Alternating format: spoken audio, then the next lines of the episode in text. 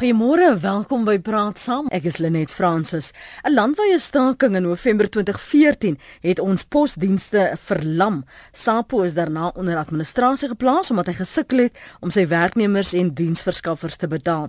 Vandag wag werkers in spanning om hooplik die res van hulle salaris vir Oktober te ontvang.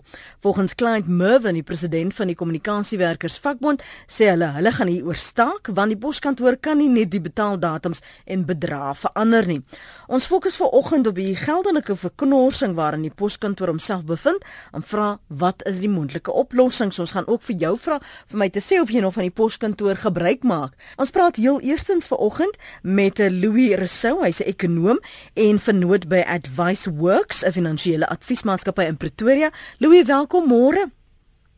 Môre Lenet en môre aan die luisteraars. Kyk as ek nou vir die poskantoor gewerk het, sou ek glad nie slaap nie, want as ons in 2014 uh onder administrasie geplaas is, Oktober kry ek net die helfte van my salaris, sal ek bekommerd wees. Wat is die posisie en waarom sukkel die poskantoor die afgelope jaar so met hulle geld sake? Ehm um, Lenet kyk dis 'n komplekse storie met 'n met 'n baie lang aanloop, maar ek ek wil dit simplisties toeskryf aan twee redes. Ehm um, naamlik tegnologiese ontwikkeling en swak bestuur. Ehm um, enerzijds maak mense al hoe meer gebruik van elektroniese kommunikasie eerder as die tradisionele brief en die pos en dit beteken uiteraard dat die poskantoor wat op hierdie tipe van funksie uh, staat maak vir inkomste ehm um, al hoe meer agteruitboer aan die inkomste kant. Hmm.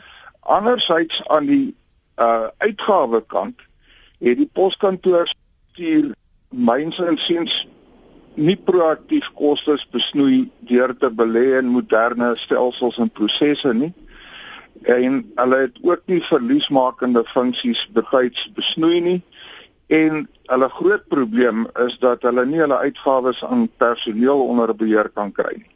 So as jy hierdie twee faktore uh in samehang sien, dan is dit half onverwendbaar dat jy 'n 'n negatiewe kontantvloei gaan hê. Met ander woorde, jou inkomste gaan maand vir maand minder wees as jou onkoste. Nou die poskantoor se gaping op hierdie stadium is letterlik omtrent 100 miljoen rand per maand. Nou net soos 'n huishouding wat bo sy vermoëns bly leef, is die poskantoor nou ook in die sogenaamde skuldstruk. Met ander woorde, hy moet nou geld begin leen bloot om die rente te betaal op bestaande skulde. Mm. So daar's nie sprake van skuld afbetaal of kapitale investering nie. Hy moet nou letterlik van die hand na die mond leef en dis waar hierdie week se tragiese situasie nou ontstaan het. Hy het verlede naweek nie genoeg geld gehad om die mense se salarisse ten volle te betaal nie. So hulle hoop nou maar met 'n week se inkomste aan hulle kant sal hulle die uitstaande 30% die komende naweek kan betaal. Ek gaan nou net terugkom na jou toe Louis veral om om ons te verduidelik, ehm um, hoe kan 'n maatskappy wat onder administrasie geplaas is, juis omdat hy gesukkel het om sy werknemers en diensverskaffers eh, te betaal, hoe jy terugval in daardie siklus. Ehm um, iemand moet jou mos help om dit beter te bestuur. Jy het nou juis uh, van daardie probleme uitgewys. Ek gaan nou-nou vir jou kans gee om daarop te reageer asseblief.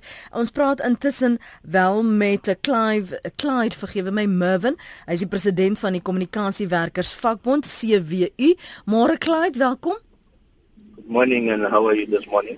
Ek is bekommerd oor julle situasie. What has been the response from SAP thus far? Will you be getting your the rest of your salary today? As, as I speak to you, I believe workers have been paid uh, yesterday, but um, they'll be obviously having access to the money today. So the company seemingly has paid the 30% of the salary of workers today.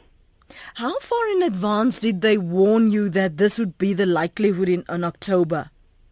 Look, uh, the sad part of it all is we only received the letter on the 16th of October that there, there, there, there are some cash flow issues and, and, and obviously from a union perspective, we, we raise our concerns to say that it can't be correct because our understanding is that, not our understanding, the contract of employment of workers are very clear that workers will be paid every on the 25th of every month and if the 25th fall on a Sunday or a Saturday, workers will be paid on the Friday. Mm. So I think the third part of it all just had, had a negative impact on workers because last week Friday when when we looked at it, some workers only receive a salary of 10 rand and 15 rand because of the deductions of the debit order. So a situation where workers are really in crisis. Even the 30% pay today, uh, some workers are still owing the debit, the debit order. So it, it, it has a huge impact on workers in particular. Hmm.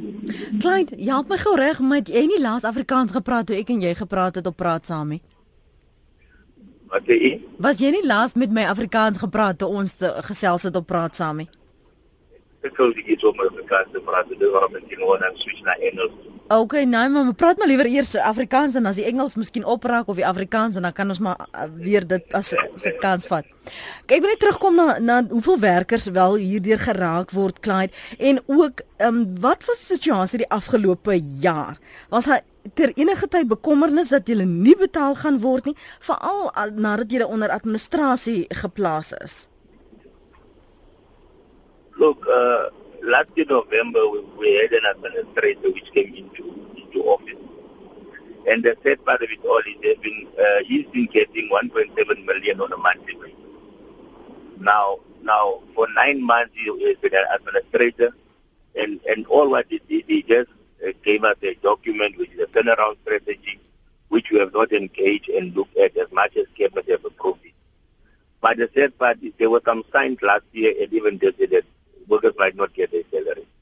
And, and, and I think for, for us, where the problem is, is that when you, the administrator was appointed to, to, to turn around the post office, he made commitments, he signed a contract to turn around the post office. Mm. In actual fact, since he's coming in, we are worse off. So, so, so for a union perspective, first and foremost, we strongly believe that he's now the chairperson of the board. He, uh, unfortunately, he must go. He, he has not been helpful to the organization. We need a chairperson which is business minded, which understands also the impact on the human resource part. We need such a person as a matter of urgency. Hence, we are calling for for the removal of the chairperson of the board. Wat het julle gedoen want um, ek dink Louis het aan die begin ook mooi uiteengesit die die behoefte vir die poskantoor het oor jare verminder omdat daar ander uh, instansies is wat die werk net so goed kan doen. So was daar afleggings in in en um, afskaffing van sekere poste omdat dit net nie meer nodig was binne die poskantore en hoeveel werkers het dit toe geraak? Look, for now there was no impact on workers. Goed. In actual fact, in the turnaround strategy, the company was saying they want to retrench 5,065 workers we argued and say, how do you, uh, which you are a state-owned entity, you are government, how do you, as government, you preach that must create jobs, but the same government today is not creating jobs. So that, and, and we also said we understand that there are new things happening, technology changes, that we, the post office must come with new innova- innovation, new innovative ideas, and we and we need that with a, a board we need it with a chairperson of the board. How do you, at this point in time, you don't have a CEO, you don't have a CFO, you don't have a chief operating officer. How do you expect the business to turn around when these three critical positions doesn't exist? Hmm. Julle sou aanvanklik ehm um, gestaak het, is dit nou van die baan? Dit dit is op die tafel ons gaan ons ons gaan staak. Uh ek het nou jy kom jy praat uh we have just received an interdict uh, the interdict, our our match will be responding today to the interdict, and we are going to defend uh, that interdict so that workers can go out and march. The march is on the march is dealing with the post of the bailout of the post office from government. The march talks to the president must release the SIU report.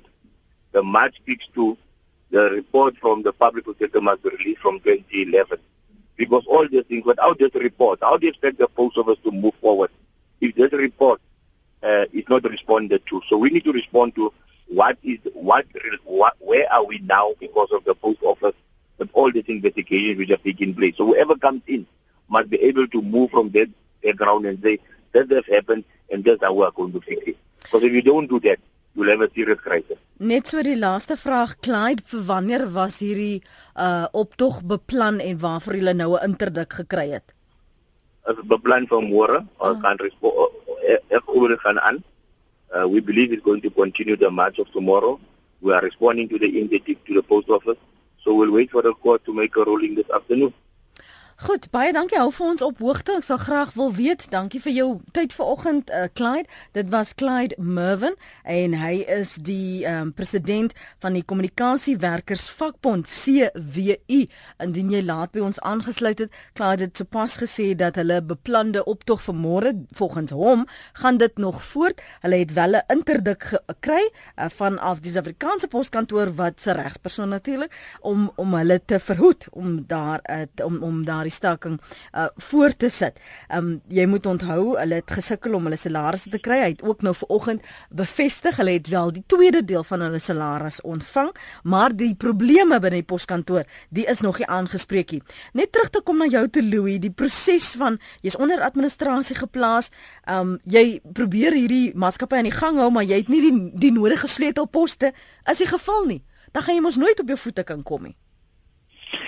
Ja, absoluut. Ehm um, ek ek kry ook die indruk dat ehm um, die administrateurs wat ehm um, betrek is nie noodwendig die ligte uitgeskiet het ehm um, wat betref ehm um, entoesiasme nie. Ehm um, maar ek moet ook byvoeg dat ehm um, jy weet die poskantoor is 'n enorme groot besigheid met duisende werknemers en uh 2500 min of meer takke landwyd. So dis 'n groot skip om om te draai en ehm um, jy weet aan hulle verslag aan die portefeulje komitee het die die poskantoor se bestuur uitgewys dat hulle weliswaar 'n klompie van die korttermyn aksies wat 'n mens kan gebruik om kostes te besnoei en so aan ehm um, met relatiewe sukses toegepas het. Ehm um, ek ek dink die die groot probleem is is aan die inkomste kant. Ehm um, jy weet die die poskantoor dink ek worstel met 'n eksistensiële krisis oor watter tipe van besigheid mm. ehm um, hy vorentoe gaan moet wees. Jy weet die, wat my betref is die vraag nie of ons 'n poskantoor nodig het nie. Die vraag is eerder wat presies moet hierdie poskantoor doen? Want jy weet luisteraars sal dalk verbaas wees, maar ehm um, die 25% min of meer van ons wat in 'n eerste wêreldse omgewing leef met internet en e-pos en derde generasie selfone vergeet baie keer dat 3 kwart van die bevolking eintlik maar in derde wêreldse omstandighede woon op die platte land of hulle stedelinge wat doodgewoon die tegnologie kan bekostig nie want hulle is arm en werkloos of hulle is bejaarde mense wat dit nie kan gebruik nie. En my ouers het in hulle lewens nie uh, nog nodig gehad om 'n rekenaar aan te skakel. Mm -hmm. So vir vir daai groot gros Suid-Afrikaners is dit broodnodig dat daar kommunikasie um, en posdienste is. Die die groot probleem soos hulle altyd sê is in die detail. Jy weet hoe doen 'n mens dit op 'n 'n wyse wat winsgewend is en die poskantoor gaan in staat stel om op sy eie bene te staan. Hmm. Kom ons gaan na ons lyne toe 0891104553.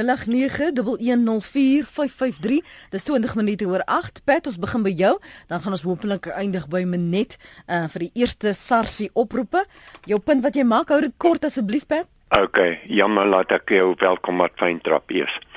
Uh ek het oor 'n jaar terug het mense 'n boek van my lewe geskryf. Mhm. Mm Die boek was in Amerika gedruk en een een kopie was vir my afgelewer met koerierdiens. Die hoof consignment. Oor die jaar terug was die poskantoor nog baie reliable, kan ons so sê. Mm. So daar's geen tracking records of nommers of iets wat ek kan navraag doen. Maar my hele consignment lê net nadat die boeke hier afgelewe is, het hulle begin staak vir 'n paar maande. Van daai tyd af het ek nog nie eers weer gehoor van daai boeke.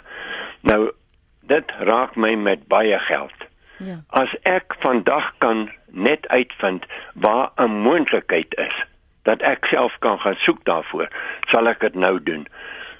Die die hele idee van daai boekstorie lê al oor 'n jaar iewers wat ek begin dink ek gaan dit nooit eers weer van dit hoor. So uh, as jy as ek my telefoonrekening betaal onder die telefoonrekening we will deliver at any cost. Ek kan dit nie aanvaar nie. Lenet dit dit is al wat ek vanmôre wil sê. Dankie Pat vir jou bydrae. Marilee op Kimberley môre Hallo net. Ek wil graag net sê ek kyk elke week kyk ek die tydskrifte al huisgenoot en Sharin vernees al goeders. Kyk op CD van Woester af en van Gramstad en van Durban en ek kyk af van die poskantoor af bring hulle dit vir my. En as dan nog nie so diens nie, dan weet ons nie wat ons mee gaan doen nie, weet. Ja. So ek ek uh, uh, gebruik baie baie die poskantoor. Dis maar wat ek wil sê, dankie. ek kry baie goeie diens by hulle. Baie baie, baie dankie. Goed Marlie, dankie. Dis sy's daar op Kimberley. Ons praat en vra vir jou ook ehm um, benewens die feit dat ons oor die geldelike posisie praat van die poskantoor, die Suid-Afrikaanse uh, poskantoor, praat ons ook oor die impak wat dit op jou lewe het. Menet, dankie vir die saampraat môre. Hallo Lenet, dit is Menet Schwagman hier van Robertson. Ek het 'n uitvoer besigheid van plante. En verlede jaar met die staking was dit vir my 'n geweldige verlies omdat baie van die pakkies het net heel eenvoudig in Johannesburg bly lê. Ek moet sê ons plaaslike diens in die poskantoor is uitstekend. Van Kaapstad kry ek baie goeie diens. Die tracking nommers is nie 'n probleem nie. Jy kan die pakkie die enige tyd opspoor. Maar die feit bly staan die oorseese kliënt verstaan nie as jy vir hom sê ek kan nie vir jou 'n besending stuur nie want die poskantoor staak. En die alternatief is om na koeriers toe te gaan, maar die koerier maak jou produk verskriklik duur. Ja. So as 'n plant, ek weet ek voer uit ehm um, sukulente plante uit. So die die plant uh oorleef die die reis van 2 na 3 weke, ja. maar jy gaan geweldig baie koste aan om die plante so te kry dat jy dit kan uitvoer. Ek moet Stellenbosch toe gaan, ek moet fitosine phytosanitary sorry vir die Engelse ja. woord kry so dit is 'n geweldige klomp koste wat jy aangaan om die plante te kan uitvoer en nou word jy gekniehalter deur um, 'n um, staking so die staking raak nie net die mense van die poskantoor nie maar ek mm. het 'n klomp werknemers wat ook betaal moet word en as ek nie uitvoer nie, kry ek nie inkomste nie. As ja. ek nie inkomste kry nie, kan ek my werkers betaal nie. So dit dit kring baie verder uit as ja. net daai bietjie. En baie mense dink die poskantoor is betaal vir 'n telefoonrekening, maar ons wat op die platteland sit, is vir pakkette pos 100% afhanklik van die poskantoor. Mm. Geef ons so 'n idee wat dit vir jou maandeliks kos om die poskantoor vir daardie diens te gebruik dis 'n paar duisend rand. 'n paar duisend. 'n paar duisend per maand. Ja. So, ek betaal redelik salarisse op Robertson. ek verstaan, ek verstaan. Dankie vir die vir die saamgesels, Menet, waardeer dit. Mooi dag verder. Ons praat oor die impak van die poskantoor is Menet as 'n besigheidsvrou wat haar uh, ervaring deel. Wat my aanbetref, bestaan die poskantoor nie meer nie. Sy personeel het die poskantoor in sy glorie in bestuur, skryf Alet. En nog 'n een sê Oudtshoorn se poskantoor het nie posseels in voorraad nie. Dis Susan se SMS daardie.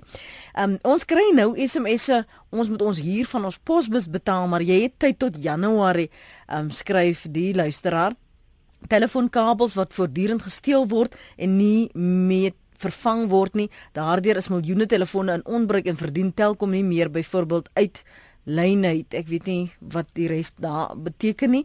Uh ou, ek sê uit lyn huur vir ja of uit oproepe wat gemaak sou word nie. As seel is R3 sê R3.30 skryf Wilna die Jager. Dankie Wilna. Hi, ek werk by die poskantoor, sover vir my kennisstrek is alle salarisse vir Oktober betaal voor die kontrakdatum van die laaste dag van die maand skryf Jan. Jan, ons het die bevestiging gekry van Clyde Mervin vanoggend. Ja, ek gebruik nog die poskantoor vir ons pakkies te stuur, 'n motorlisensie te hernu sê Rihanna. Gebruik lankal nie meer die poskantoor nie. Dis te wisselvallig. Het posbus ook nou opgeskort. Alles kom nou na ons e-mail sê Kobie in Noordwes. En Postnet Lenet, ons betaal liewer meer en weet ons posstuk bereik sy eindbestemming. Dis Mini op Somerset Wes. Konrad Visser sê Lenet die vorige staking omtrent 3 maande. Weer 'n stake vir hoe lank? Ek word nie eers gekompenseer vir my jaarlikse fooi wat ek moet betaal nie. Betaal tans R600 per jaar. Um Jan sê die poskantoor dink nie innoverend of kreatief nie. In Nederland kan elke inwoner elke week 'n poskode loterykaartjie koop. 'n Deel van die opbrengs gaan na die poskantoor en 'n deel na die pryse. As jou poskode daardie week getrek word, deel almal wat 'n kaartjie gekoop het in die prysgeld. Daar is 'n groot organisasie met die naam Post Crossing. Jy word gratis lid en stuur dan poskaarte dwars oor die wêreld. Ek stuur gemiddeld 11 per maand. Europese lande en Amerika het meer as 'n miljard post crosses. Suid-Afrika het net 1500. Poskantore oral ter wêreld druk spesiale seels met troumotiewe of verjaardaggroete daarop. Mense hou daarvan en begin weer troukaartjies, verjaardagkaartjies en so voort oor die pos te stuur. Die poskantoor moet bykom, skryf Jan. Maar Jan ons het mos ook al dit gehad. Ek onthou die verskeidenheid van seels wat 'n mens in die verlede kon van kies en dit ook so doen op jou poskaartjies. Gunter uh, Engelbreg sê stakings aan aanhalingstekens vind al meer as 2 jaar by die naaste poskantoor tak naaste aan ons. Daar is 6 dienspunte, maar slegs 1 en 'n half word beman. Dan word daar baie onder die teenwoordige poskantoor werknemers gesels en die enkele tou kliënte wat geduldig wag is na raming selde minder as 25. Ons betaal met 'n rand wat 'n 100 sent bevat, maar die diens is ver onder daardie standaard. Leonie sê poskantoor personeel dink hulle doen jou 'n guns om diens aan jou te lewer. Publiek het met die laaste staking agtergekom, daar is ander dienste om liewer te gebruik aan wat jou graag sal wil help. Reiner, dankie vir die aanhou. Wat het jy op die hart? Môre net, ek wil gou-gou ehm um, 'n vraag vra. Mm? Hoe lank gaan die poskantoor nog bestaan? Want ek het 'n klein besigheid en ek het nog 'n klomp kliënte wat ehm um, ek sê nou maar sê hulle is senior burgers en hulle het nie e-pos en so nie, so ek moet hulle rekeninge per pos vir hulle stuur. Mm. Nou koop ek altyd my so 300 plus seels op een slag.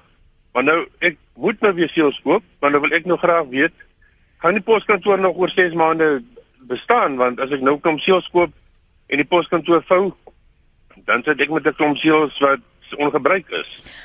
Dankie. Dan my tweede punt is mm. wil ek aansluit by Pat want my dogter het vir haar 'n uh, hemp of 'n ding bestel. Mm. Ek dink dit kom van Amerika en blykbaar is dit al 'n hele ruk in Suid-Afrika, maar dit word net eenvoudig nie afgelewer nie want blykbaar betaal die ehm um, poskantoor nie vir SAL of vir wie ook al die die vrag die land inbring nie.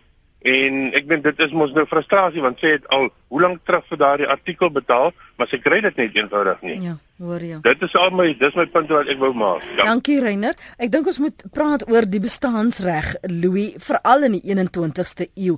Um, maar een van die luisteraars het net toe gesê as jy op die platteland woon, as jy so afhanklik van die dienste, want hoe anders kommunikeer jy? Hy het nou ook uitgewys Reiner dat baie ouer mense het nie e-pos nie en jy het vroeër gesê die tegnologie het nou so verander dat baie meer mense hulle pos in e-pos kry of laat omskep en hulle rekeninge selfs ook. So hierdie poskantoor nog 'n bestaansreg. Ek dink ehm um, jy weet ons moenie ehm um, paniekbevange raak ehm um, en jy weet ehm um, soos die ehm um, luisteraar gesê het begin 'n bevraagteken of die poskantoor oor 6 maande nog gaan bestaan nie. Ek ek dink dit lei geen twyfel nie. Die regering het ook eh, 'n uh, grondwetlike verpligting om hierdie tipe van uh, dienste in stand te hou. En uh, as 'n mens kyk hoeveel jare nou al die lugdiens ehm um, elke jaar 'n paar miljoen miljard rand nodig het om net aan die gang te bly, dan dink ek die poskantoor het eintlik maar onlangs begin sukkel op 'n relatiewe basis. Ehm um, die die groot ding vir my is dat die poskantoor sy bronne van inkomste moet diversifiseer. Mm want om staat te maak vir die meeste van jou inkomste, ehm um, dis so te sê 2/3 van die poskantoor se inkomste kom nog steeds uit die tradisionele ehm um, ontvang en aflewer van pos. En dit is nie op die langtermyn volhoubaar nie. Ehm um, die die tegnologie gaan dit op die ou einde ehm um, relatief ek sê nie totaal ehm um, onnodig maak nie maar dit tot 'n baie groter mate as tans. So wat my betref ehm um, is die uitdaging vir die poskantoor om eerstens bekwame leierskap in plek te kry en al die professionele poste wat gevul moet word te vul. Ehm um, en dan moet hulle begin kyk na hoe hulle hierdie groot teenwoordigheid van hulle amper alom teenwoordigheid in Suid-Afrika via hulle 2500 takke ehm um, kan benut en op addisionele maniere inkomste verdien. Ehm um, en as ek is nou nie ehm, 'n um, bedryfsekonoom nie, maar as ek net so vinnig dink, ehm um, hulle het 'n klomp takke Hulle beskik oor 'n klomp voertuie wat goed van punt A na punt B moet neem. Ehm um, hoekom nie na logistiek byvoorbeeld ehm um, as 'n uh, 'n uh, addisionele funksie.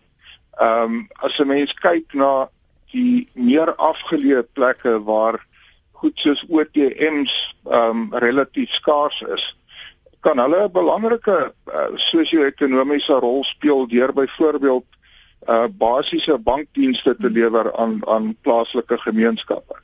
En uh nog iets wat my nou net bygeval het is uh jy kan nou wel op die oomblik jou lisensies hernu by die poskantoor, maar daar's 'n klomp ander goed wat 'n mens voor moet betaal wat hulle ook op 'n uitgekontrakteerde basis kan hmm. doen. Ehm um, ek ek dink hierdie tipe van idees is die maklike deel. Die moeilike deel is om dit tot uitvoer te bring want dit gaan nog miljarde rande se kapitale investering kos. Dit gaan die heropleiding van personeel en miskien selfs die herontplooiing van personeel behels. En soos ek vroeër gesê het, dis 'n 'n langtermyn tipe van hmm. strategie hierdie. Daar gaan nie ehm um, oor die kort termyn sommer ewe skielik vonke spat. Mm. Ek wonder nou net want ek weet jare gelede het mense mos spaarrekeninge, posspaarrekeninge gehad.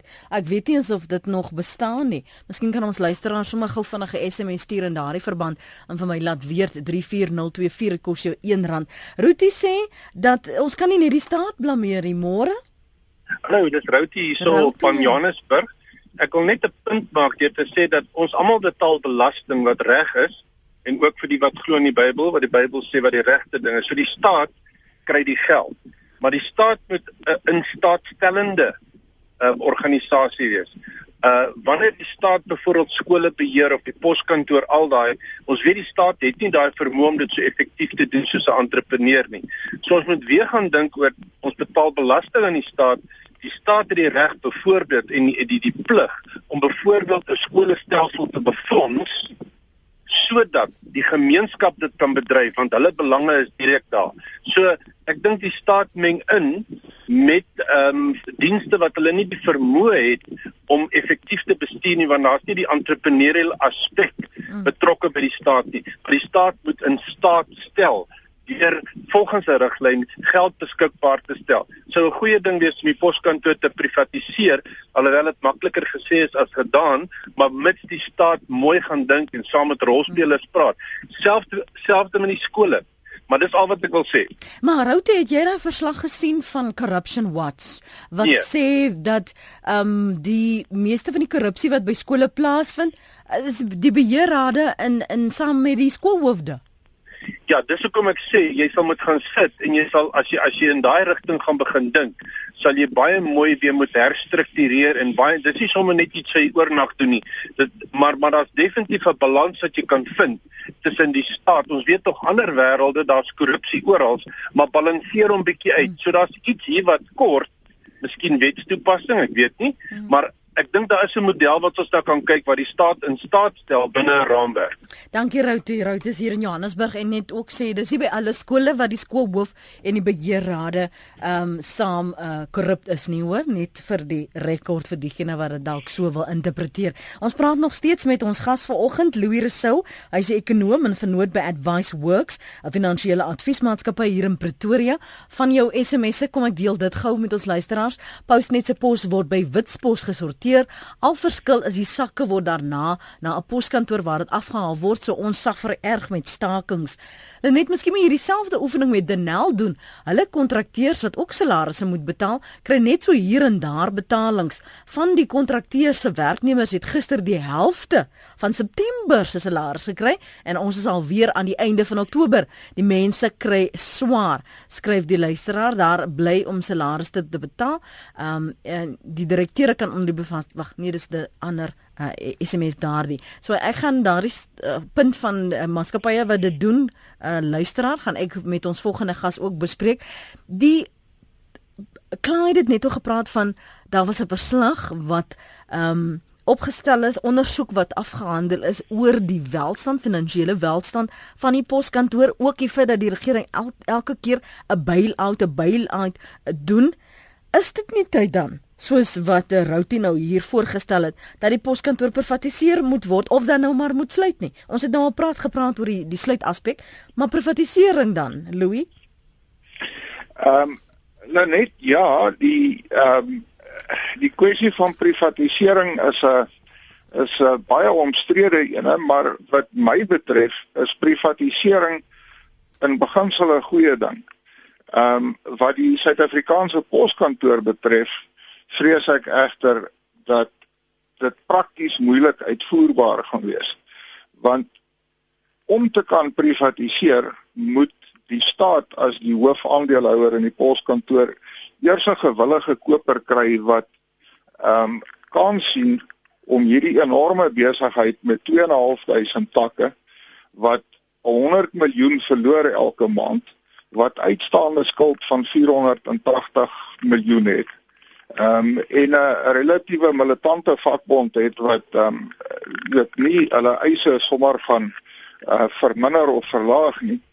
Ehm um, dit gaan 'n dit gaan 'n redelike dapper uh direksie kos om te besluit ons koop die poskantoor. Ehm um, die die ander probleem daarmee is sou 'n privaat instansie die poskantoor oorneem en op 'n winsbejagbasis begin bedryf, dan dink ek gaan die mense wat eerste skade gaan ly, juis die ouens wees wat die meeste afhanklik is van die poskantoor op die oomblik. Want 'n privaat besigheid wat aan sy aandeelhouers 'n wins um beloof gaan eers kyk na die klein plekkies na die onwinsgewende uh, roetes en so aan.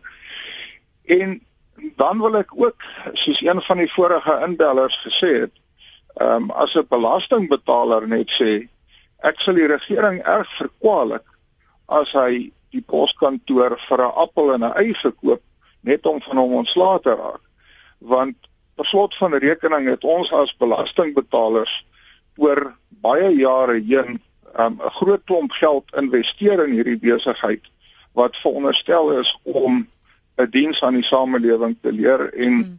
niemand hou daarvan om 'n om 'n swak um, opbrengs op sy kapitaal te kry nie. Ja.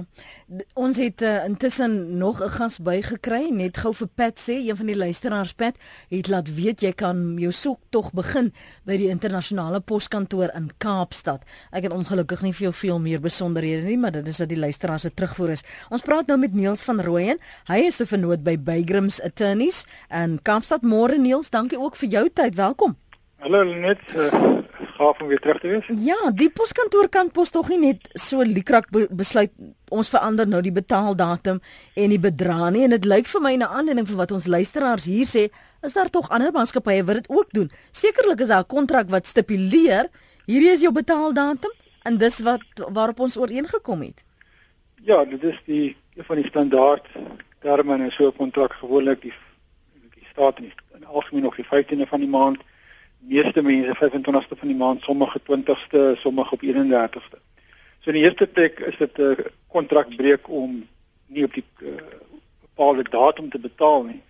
Maar in praktiese aspekte is dit eintlik katastrofaal as mense glad nie betaal word. Of jy nou die die, die groot probleem wat die meeste werknemers mee sit, hulle het aftrekorders, debietorders wat almal op 'n sekere datum deurgaan gebaseer op hulle betaaldatum en as jy nie betaal word op jou korrekte datum nie gaan daai skibreek lê.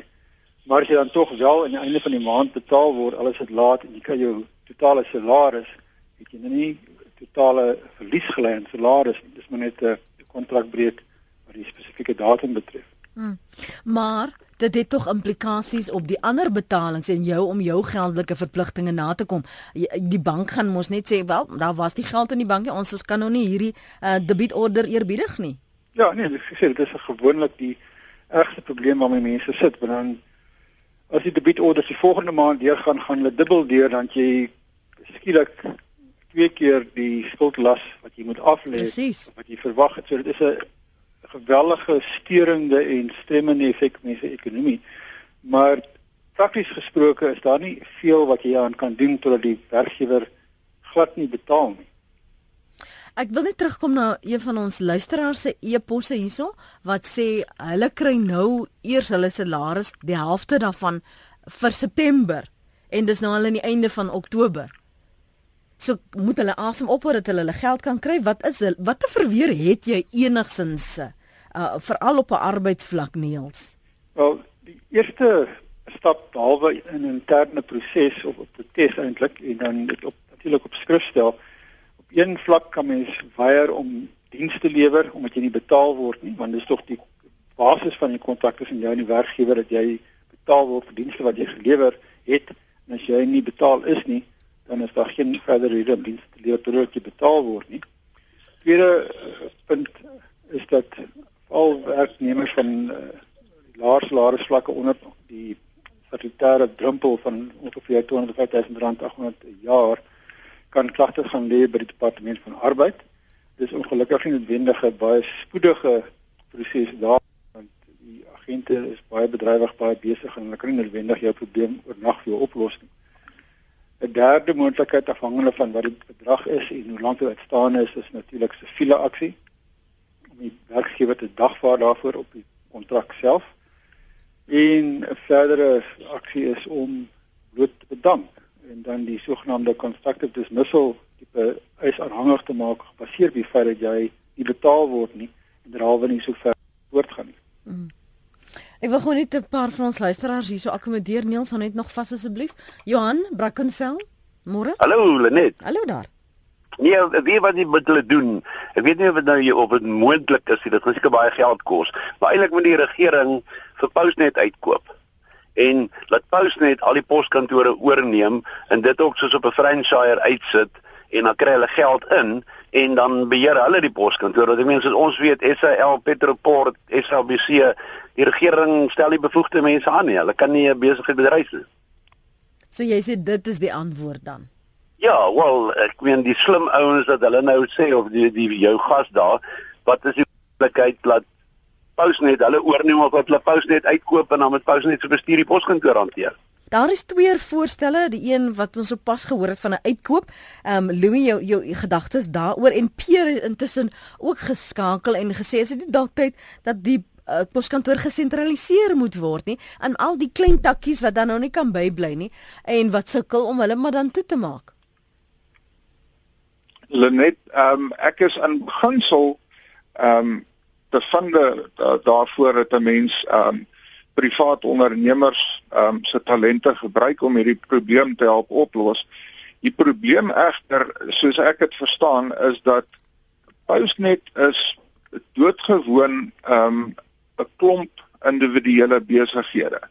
Um, wat um, op 'n franchise basis bedryf word Met ander woorde, um, daar is nie regtig 'n groot korporatiewe hoofkantoor funksie soos wat 'n mens in in groot genoteerde maatskappye kry nie. So ek dink nie Postnet het noodwendig die kundigheid om korporatiewe regryk aksies ehm um, uit te voer nie. Ehm um, wat die sentralisering ding betref, ehm um, dink ek gaan ons die gevaar loop dat 'n mens juis weer die die mense wat die meeste afhanklik is van die poskantoor se dienste ehm um, die meeste skade gaan aandoen as jy hierdie klein takkies uh, waarna verwys is begine toemaak. Ag net hier by my vrou se werk betaal hulle ook net soos hulle wil. Die afgelope jaar die eienaar sê net hy word nie betaal op sy tyd nie, so hulle moet ook maar net wag. Uh skryf Piet. Kom ons praat gou oor die regsimplikasies. Um, ons het vroeër vanoggend nou gehoor Clyde Mervin sê dat hulle sou aanvanklik môre staak. Hy is nog vasbeslote die staking gaan voort op ekskuus tog liewer 'n protesaksie. Ehm um, en hulle het intussen 'n nou interdik ontvang wat hulle nou ehm um, gaan teenstaan. So as daardie ehm um, goedkeuring nie gegee word nie, waar laat dit hulle? En versuur dit nie verder net daardie verhouding tussen die uh, poskantoor en hulle werkersvakbond nie? Niels. Ja, soos ek die situasie verstaan, is hierdie nie noodwendig 'n uh, wettige staking nie, hulle pad van 'n protesoptog. So ek weet nie of dit sê maar nie werkers se ek het dit tyd gaan wees en of hulle gaan werklik gaan ophou werk nie. So Die een van die redes van die interdik is waarskynlik om werkers te verhoed om onwettig te staak. As die vakbond dit wil teenstaan, is hulle goeie reg, maar aan die ander kant staan die werknemers ook 'n risiko as hulle onwettig staak op dissiplinêre aksie van die poskantoor se kant af wat as werkgewer geregtig gaan wees. Dit gaan seker die verhouding versier tot 'n mate waar mense dink gegee die huidige omstandigheid in die poskantoor is die verhouding in elk geval nie goed nie die ekonomiese situasie is blykbaar van so 'n aard dat die poskantoor nie sy salaris verpligtinge kan nakom soos veronderstel is om te doen nie. Dit is al klaar 'n groot rede vir versiering en ongelukkigheid en dit sal meer is net die vakbond en die lede wees wat daaronder gaan lê. Maar aan die ander kant voel mens as werknemer in so omstandighede wat anders as dit ware kan jy doen? Ja. Hoe kan jy die aandag van die bestuur kry op jou situasie want die dit blyk ook dat die bestuur gewoonlik hulle kry hulle salarisse, hulle kry baie groot salarisse, hulle kry bonusse en die mense op die poskantoor vlak en wat die mens kan sê die groot gros van die werkgroep uitmaak is die mense wat werklik ly onder die diepe praktyk. Die die die pad vorentoe vir vir die poskantoor Louis, ek meen ons wag nog steeds ook om te hoor van hierdie verslag in 'n aanleiding van verlede jaar se ehm um, toe hulle onder 'n administrasie geplaas is. Daar is nog nie duidelikheid daaroor nie. Hulle het nou weer finansiële probleme. Um, mense kan veel goed daarin lees, maar 'n reg ruk strategie moet die staat maar altyd net ingryp. Net die probleem ehm um, is dat in die verlede het die regering die fiskale vermoë gehad om te besluit ons gaan volgende jaar dit doen en dit doen en dit doen.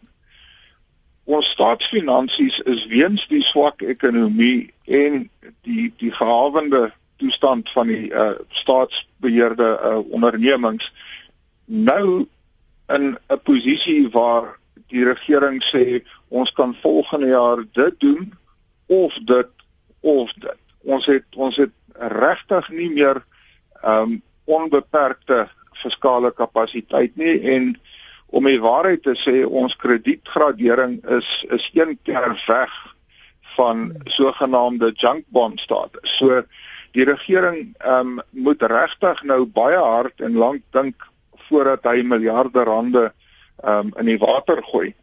En die die probleem is met die uh, poskantoor voordat 'n mens kan kyk na langtermynstrategieë om uh, die situasie te verbeter, is daar 'n klomp korttermynvure wat doodgeslaan moet word. Ehm um, dit soos wat dinge tans staan is daar uh, bykans 'n halwe miljard rand se agterstallige skuld. Dis nie die enigste skuld nie. Daar's 'n groot klomp ander skuld. Um, ek raam waarskynlik nader aan 2 miljard rand wat um, wat gediens en terugbetaal moet word. Ehm um, en die poskantoor se eie regryk strategie impliseer dat hulle 5000 oortollige personeel het. Nou ek dink dis nie maklik of goedkoop om van 5000 personeel ontslae te raak nie. So daar is definitief 'n enorme struikelblokke, maar ek dink ehm um, met die regte uh, leierskap kan dit um, te bowe gekom word. Maar dit gaan nie help om een klomp ontplooide kaders net eenvoudig te vervang met die volgende klomp ontplooide kaders nie. Ek dink die tyd is nou verby wat die regering die luukse het om onbevoegde mense aan te stel doodgewoon omdat hulle loyale lede van 'n bepaalde party is. Ehm um, en uh, jy weet ek wil ook weer verwys na die on gevulde poste.